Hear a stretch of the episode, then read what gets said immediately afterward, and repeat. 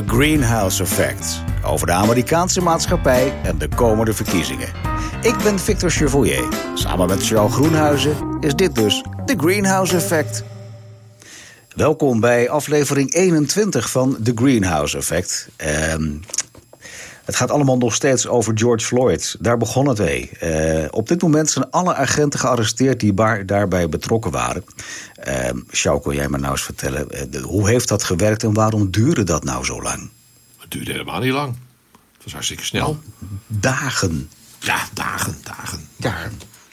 Voor, voor, voor Amerikaanse begrippen en, en voor, even binnen de context van agenten die uh, een medeburger hebben doodgemaakt, want dat, dat kun je toch wel vaststellen. Uh, Is het eigenlijk heel snel gegaan. Eerst de man die echt met zijn knie op die nek heeft gezeten, ruim acht minuten lang. En toen die andere drie ook. Uh, en er zijn ook heel snel nu aanklachten gekomen. Het is voor die, die hoofdpersoon die we ook steeds in beeld zagen, zelfs verhoogd van third degree uh, murder naar second degree. Dat is een zwaardere mm categorie. In Nederland hebben we ook bijvoorbeeld doodslag en moord... en dan nog weer verschillende gradaties in. Dit is, maar hoe gaat het dan? Is het dan het Openbaar Ministerie die dat doet? Of is er ook een soort, een soort interne politie uh, die nee, dat Nee, dit, dit is puur justitie. Dit, dit, dit is officier van justitie. Uh, okay. En dat zou dan uiteindelijk eh, op den duur moeten gaan leiden... voor hen alle vier... Ja. Uh, tot, tot een rechtszaak en wellicht een veroordeling. Waarbij wel nu al gelijk die advocaten beginnen te miauwen. Met name van twee, niet die hoofdpersonen, maar twee anderen. Die zeiden, they were rookies. Het waren beginnelingen. Uh, die net eigenlijk uh, stratendienst deden bij de politie.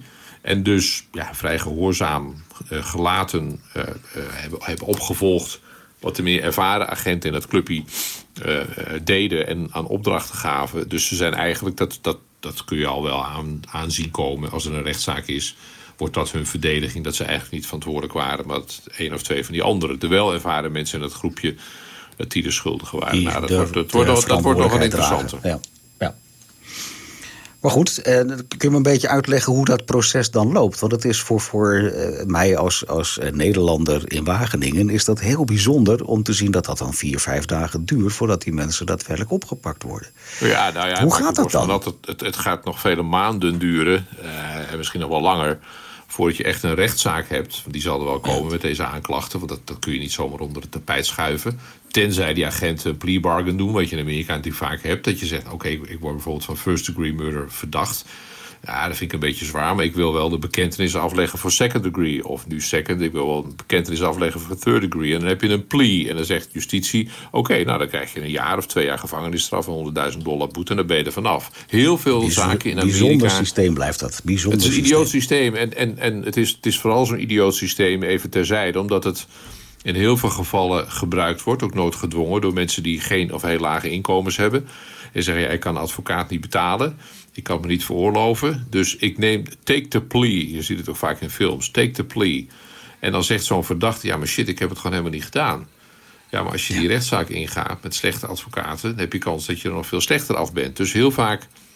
En dan wordt achteraf zo, ja, maar heeft, hij heeft wel gewoon een plea bargain getekend. Hij heeft gewoon gezegd, of zij heeft gezegd... dat, dat hij of zij het gedaan heeft. Ja. ja. maar zegt die persoon, nee, ik heb het helemaal niet gedaan... maar ik ben maar voor de plea gegaan... omdat in mijn omstandigheden was dat de minst slechte oplossing. Nou, in dit geval denk ik niet dat die agenten voor een plea bargain zullen gaan. Al was het maar omdat de kans groot is dat ook bijvoorbeeld de vakbonden van politiemensen... die in dit soort zaken vaak een hele uh, kwalijke rol spelen... omdat ze door dik en dun hun agenten blijven verdedigen. Dat is begrijpelijk uit een oogpunt van hun vakbondsfunctie... En voor een deel soms onbegrijpelijk als je kijkt naar het wangedrag. En dan druk ik me voorzichtig uit. Het wangedrag van politieagenten, wat dan door zo'n vakbond en de advocaten van die vakbonden verdedigd worden. Maar maak je, bereid je maar voor, dit wordt, dit was long and bloody als het gaat om juristerij rond die agenten. Heb je enig idee eh, wat voor leven zo'n agent theoretisch zou hebben als die in de gevangenis komt? Uh, ja, nou sowieso in de gevangenis zitten in Amerika, dan ben je niet te benijden. Ik heb een aantal van die gevangenissen als verslaggever van binnen gezien. En dat waren voor mij echt wel bij de meest ingrijpende momenten uit mijn lange verslaggeverscarrière. Omdat je, het, grijpt je naar de keel, letterlijk en figuurlijk. Mm letterlijk omdat het een, een, atmosfeer daar is en, en, een, en een, afhankelijk van waar je bent, maar een aantal keer in het zuiden. Louisiana en Arizona in gevangenissen geweest. Waar amper airconditioning was in de zomer. En dan is het gewoon 45 graden. En de luchtvochtigheid, denk ik, van 110 procent, bij wijze van spreken. Mm. En stinken. Gewoon naar alles waar een gebouw naar gaat stinken. Als je daar heel veel uh, uh, mannen neerzet op een te kleine ruimte. Nou, kleur zelf de plaatjes. Nou, dat, uh, dus, en, en, en, agenten, ik weet niet of zij, kijk, je hebt bijvoorbeeld uh, mensen die veroordeeld zijn voor kindermisbruik, dat, dat is outcast in de gevangenis. Ik weet eigenlijk niet, zo'n zo agent, misschien word je ook wel een soort held. Van, je hebt het dat, heb je goed gedaan, jongen. Dat zou best eens kunnen. Mm. Ook bij die gangs daar, die natuurlijk een ontstellende hekel aan de politie hebben. Of aan, aan, ja. aan zwarte hebben vaak, sorry. Uh, en dan, dan uh, zo'n zo agent als een soort halve held gaan uh, gebruiken. Maar Victor, ho, ho, ho, even niet snel. Ze zitten nog niet in de gevangenis. Hè. Dat kan nog heel lang duren. En, en misschien, en dat is helaas in het verleden vaak gebeurd. de uitkomst van die lang malende juridische modus in de VS is nogal eens dat je geheel tegen de verwachtingen in en geheel tegen de logica van de feiten die je ziet als het om geweldpleging gaat tegen burgers, dat er een uitkomst is waarvan je denkt van excuseer, what the fuck? Hoe kan deze man, kunnen deze mannen vrijgesproken worden? En dat. Uh, ja, dat, maar dan zou je in dit, in als dat een beetje vlot gaat, heb je weer overnieuw dat de, de hele sociaal uh, onrust ontstaat, omdat ja. men daar wat van vindt op de straat. Ja, dat, dat hebben we ook, in, dat hebben we een aantal keren nu gezien, ook in de afgelopen jaren. Denk aan Ferguson, denk aan andere gevallen, waarbij, ja. waarbij mensen omkomen en agenten zich misdragen. Kijk, een van de. Ik, ik ben geen jurist, dus excuus als ik het juridisch een, een beetje in lekentaal uitleg. Uh, maar een van de belangrijke bepalingen waar die agenten dan en hun advocaten op terugvallen, is de bepaling dat een agent eigenlijk een soort carte blanche heeft als hij of zij, want het zijn meestal toch mannen, uh, reden heeft om voor zijn veiligheid en leven te vrezen. Ja. Sowieso, als er sprake is van een verdachte uh, die bewapend is en bijvoorbeeld een wapen laat zien, ook al schiet hij er niet mee, uh, of probeert hij er niet mee te schieten. Op het moment dat er een, een vuurwapen in het spel is, dan is de verdachte vrijwel kansloos. Dan is de kans dat het doodschieten van zo'n verdachte, en, dankzij YouTube en het cameraatje wat we allemaal in onze zak hebben tegenwoordig, kunnen we dat heel vaak terugkijken. Ongeacht het gedrag van zo'n verdachte, even los van de aanwezigheid van het vuurwapen. Vaak stel je dan vast van ja, er is absoluut geen sprake van directe dreiging. En die agenten liggen ook allemaal in dekking en zitten achter een auto enzovoort. En toch wordt er dan geschoten. Maar de kans dat je dan als agent veroordeeld wordt is buitengewoon klein. Er is er nog één, waarbij de precedentwerking een rol speelt. Ik zal het uitleggen.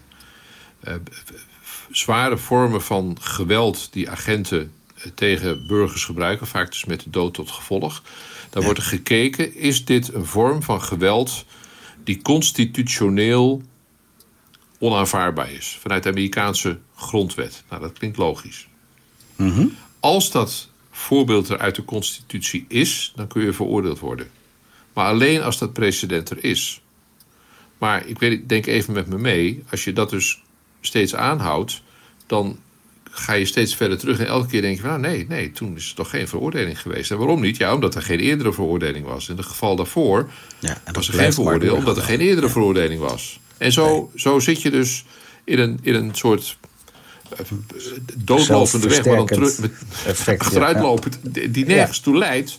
Omdat je het constitutioneel niet rond kunt krijgen. Maar dat kun je nooit rondkrijgen, omdat er geen president is. Nee. En dat zou. Denk jij dat dit dan misschien ja. een aanleiding is om daar wel een president te kunnen, te kunnen krijgen daarvoor? Nou ja, bij de Democraten uh, hoor je nu allemaal geluiden. En zo ook bij sommige gematigde Republikeinen. Dat ze bijvoorbeeld die, die, die nekklem. Mm -hmm. Weliswaar was dit formeel geen nekklem, want die was met zijn knie op. Maar zo het effect van een nekklem. En ook met het gevolg van uiteindelijke verstikking. Ja. Uh, dat, dat, ze, uh, dat vastgesteld wordt, dat is eigenlijk toch zelden reden om mensen in een nekklem te nemen. Dat, dat doe je alleen bij heel agressieve mensen. Nou, dat beroemde geval ook van uh, uh, Eric Garner een paar jaar geleden. Met precies dezelfde noodkreet: I can't breathe. En die was ja. ook twee minuten later dood. Dan ging het om verkoop van illegale sigaretten. Hier ging het om een vals briefje van 20. Waarvan Floyd waarschijnlijk helemaal niet geweten heeft dat het vals was. Maar goed, dat zullen we allemaal nog wel eens een keer horen. Uh, maar maar de, de, de ellende bij dit soort gevallen is dat de hebben de, de legalistic, hè, de, de juridische fijnproeverij zodanig is dat het ja. altijd in het voordeel is van de agenten en zelden tot nooit in het voordeel van de burger. Als je gewoon naar statistieken kijkt, is allemaal bijgehouden. Het aantal veroordelingen van agenten is minimaal. Terwijl je als je de feiten vaak kijkt, en nogmaals, YouTube-filmpjes ga YouTube naar police brutality of police officers killing civilians enzovoort. Ze rollen er echt bij bosjes uit. En in een aantal gevallen dat je denkt van... Really? Zijn deze mannen vrijgelaten? De professionele bescherming die ervan uitgaat deze agenten gaan de straat op met gevaar voor eigen leven om ons burgers te beschermen. Dat geeft ze een soort immuniteit, ook vanuit dat, die grondwetsconstructie die ik net noemde, geeft ze een immuniteit die op geen enkele manier meer aansluit bij waar we nu doorheen gaan. Gaat dat veranderen? Voorlopig niet. De, wat ik nu hoor is dat de Democraten vooral dus bezig zijn met mogelijk zo'n wet over uh, de, de nekklem. Mhm. Maar ja, dat, dat, gaat nog absoluut dus niet over de, in den brede politie optreden. Laat staan dat het in den brede gaat over de oorzaken van dit politiegeweld en de oorzaken van alle ellende waar we nu al die demonstranten steeds over horen. Dan nog een ander thema. Want wat, wat, wat George Floyd natuurlijk blootlegt, is dat hier, wat jij al bij de vorige podcast een paar keer gemeld hebt, veel mensen lopen gewoon met hun telefoon op straat en nemen dit op. Ehm, nu hebben ze ook heel veel van die bodycams. En ik hoorde van de week ook weer verhalen dat er eh, allerlei incidenten geweest zijn waarbij de bodycam toevallig uitstond. Ik vind dat bijzonder. Kunnen zij zelf kiezen, voor zover je weet, of zij die bodycam aan en uitzetten? Dat is toch belachelijk? Ja, meneer, het batterijtje was leeg. Ja, toch. Ja, ja, was kapot. Nee, ik geen idee. Nee, ik had het vergeten aan te zetten. Ja. Uh, en dan zeker bij als er een incident volgt. Uh, ja, nou ja, we, we, hadden het net over het Witte Huis. De, de, fameuze tapes van Richard Nixon... waar toch wel een aantal passages ineens... onbegrijpelijk, geen idee hoe het gekomen is, gewist waren. Nee. Ja. Uh, en en de, ja, het zal ook best eens misgaan dat zo'n ding kapot is... of verkeerd op, op zijn jas geknoopt zit. Of ik, het zal best eens gebeuren. Maar je hebt absoluut gelijk dat het aantal keren dat dat het iets cruciaals gebeurt en we de beelden niet hebben omdat er iets mis is met die camera, is inderdaad wel erg groot. Ja, maar dan zit je in dezelfde juridische val. Van is er, is er eh, bijvoorbeeld criminal intent? Is er zeg maar, criminele opzet in het spel? Nou, nee, mm. nee, meneer Chevalier, ik begrijp niet dat u het zegt. Nee, dat, was, dat is gewoon toeval en uh, gewoon pech. En nee, well, nee, u begrijpt heel goed dat we dat heel graag hadden willen filmen. Ja, het is ontzettend vervelend dat het nou niet gebeurd is. Nee. Kijk, je moet je ook realiseren dat er een politieke dekking is voor al deze gekkigheid. Ja, maar dat is juist het enge. Ja, maar kijk, er zijn. Het is altijd interessant. Op alle boeken die ik over Amerika heb geschreven, kom je nog alles op, op, op dingen waarvan je denkt: hé, hoe zit dat nou eigenlijk precies in elkaar? En dan ga je zoeken. En dan blijkt er over een aantal dingen, blijkt bijvoorbeeld cijfermatig, uh, weinig tot niks te vinden te zijn. Mhm. Ik heb in een van mijn boeken ook een, uitgebreid beschreven hoe eh, het congres, in dit geval Republikeinen, het onmogelijk hebben gemaakt, wettelijk onmogelijk, om een aantal cruciale statistieken bij te houden over vuurwapens in Amerika. Ja. Vuurwapens vallen in Amerika, mind you, bijna 40.000 doden per jaar. Twee derde eh, zelfmoord, een derde moord, grosso modo. Dat is toch wel een dingetje waarvan je denkt: van nou, misschien moeten we dat toch eens goed gaan bijhouden hoe dat nou precies zit. En wie en wat en waarom en in welke staten en wat zijn de omstandigheden en hoe zit het met die wapenhandel en wat zijn de stromen van die wapens om erachter te komen van hoe kunnen we dat aantal van 40.000 wat naar beneden brengen. Dat is gewoon bij wet verboden. U hoort het goed, meneer Chevalier, dat is bij wet verboden om dat bij te houden. Er zijn republikeinen die dat in de wet hebben laten zetten dat dat niet mag. Want, is er de natie, als je dat gaat bijhouden, is dat dan een wapen in handen van de anti-gun lobby. Nou, dat is dan de, de NRA-achtige mensen. NRA is een grote pro-gun lobby. Maar het is mhm. natuurlijk van de gekke dat wetenschappelijk onderzoekers van alle instituten en universiteiten die dat willen onderzoeken, dat allemaal zelf moeten gaan zitten tellen met alle mogelijke fouten van dien. Want een overheid is bij uitstek natuurlijk geschikt om het bij te houden. Als gewoon elk politiebureau, elk politiedistrict gewoon moet bijhouden wat heeft zich aan geweldsdelicten voorgedaan waar ook agenten bij betrokken zijn. Dat, wordt, dat is een andere kwestie. Ik heb ook een paar keer in de de afgelopen eh, weken wel gezegd. Van gemiddeld worden er tussen, 10, eh, tussen de 1000 en 1100 burgers per jaar doodgeschoten door de politie. Ja, er zijn een aantal gevallen bij agressieve criminelen waar je denkt van ja, sorry, sorry pijl, eigen schuld, dikke bult. Maar ook heel veel gevallen waarbij er of twijfel is of dat je kunt zeggen, nou zijn ze helemaal gek geworden. Maar ook dat, dat getal komt niet van het Amerikaanse CBS of komt van CDC of een andere overheidsinstantie. Nee, dat wordt de particuliere organisaties, universiteiten, kranten. The Guardian doet er ook veel aan, de Washington Post. Die alle media zitten af te speuren naar dit soort berichten. En op die manier dan die statistieken tot stand brengen met risico's van fouten of onvolledigheden. Ook dat, het wordt niet geteld. Als iets niet geteld wordt, Victor, dan moet je je afvragen waarom wordt het niet geteld? Omdat het waarschijnlijk, om met El Gore te spreken, een inconvenient truth zou kunnen opleveren. Een onaangename werkelijkheid die we misschien liever niet willen weten. Nee. En daar is hier volop sprake van. Dus het eerste deel van het gesprek, de bescherming van agenten op een manier mhm. juridisch waarvan je denkt van de accountability, de verantwoordingsplicht van een burger ten opzichte van een andere burger, of je nou een pet op hebt of niet, is, is rampzalig, is belabberd. En waar het vervolgens in hun gedrag toe leidt. Hoeveel doden vallen er eigenlijk per jaar? Om over de gewonden maar te zwijgen. We hebben het alleen nog over doden, ruim duizend, tussen 1000 en 1100. Ja. De gevolgen daarvan mogen we van de overheid niet echt iets weten. Dus moeten we het allemaal zelf maar doen. Dat is. The cards are stacked against them. Begrijp je wat ik bedoel? Het, het kaartspel is gewoon gestoken tegen de belangen van burgers die groot nadeel tot de dood toe ondervinden van agenten. En dat is een deel van de achtergrond ook van de blinde woede. Want het zal je kind of je vader of je broer maar zijn, Victor. Die onder krankzinnige omstandigheden uh, wordt doodgeschoten door agenten. Is een auto. Of die gozer van 16 die met, in de Walmart met een speelgoedpistool een beetje gek staat te doen. Misschien zo stoont als een aap, weet ik veel. En je ziet het filmpje en die jongen is op geen enkele manier een bedreiging. Maar hij heeft een wapen bij zich, wat is achteraf een klappertjespistool blijkt te zijn. Maar dat telt niet. Die agenten hadden reden om voor hun leven te vrezen. Terwijl gewoon ook achter een stellingkast hadden kunnen gaan zitten en even wachten tot het over was. Nee, knal, knal, knal, dood. En dat gebeurde elke dag. Gemiddeld dus drie doden per dag. Elke dag weer. En er is ook op dit moment politiek, maatschappelijk niet iets gaande waarvan je zegt van daar komt binnenkort verandering in. Er komt geen wetsvoorstel aan of er, er, er is een beweging die dat wil veranderen. Ja. Ja en nee. Uh, ja. Ik heb het in mijn boek uitgebreid besproken. De forse meerderheid van de Amerikanen willen strengere wapenwetten. En willen een strengere aanpak van dit soort dingen. Maar door allerlei politieke machinaties die we in eerdere podcasts wel hebben besproken ook. Uh-huh. Lukt het de Republikeinen elke keer weer om toch voor een deel buiten schot te blijven. En iedereen die pleit voor, voor common sense gun laws, zoals het genoemd wordt. Een beetje gezond verstandwet als het om wapenbezit ja. gaat. Victor, er is geen land in de wereld vergelijkbaar met Amerika. wat, wat dit soort uh, statistieken heeft over doden als gevolg van vuurwapens. Maar heb jij de indruk dat. Eh, benadering. nee, maar. Joe Biden kan daar ook niet alles aan doen. Stel dat hij verkozen wordt, wordt het dan echt wezenlijk anders? Het was in de tijd van Obama toch ook niet? Nee, nou, hij moet eerst gekozen worden en daar speelt dit ook een rol bij. Op het moment dat, dat Joe Biden als democratisch presidentskandidaat zou opstaan met radicale gun control wetten, nieuwe aanvullende wetten. Ja. Dan kan hij ook met name door gematigde kiezers, en hij moet het hebben van gematigde kiezers. Hè. Links en rechts stemt de een of de ander, maar het gaat om die kiezers in het midden. Die beslissen uiteindelijk wie de wint op 3 november.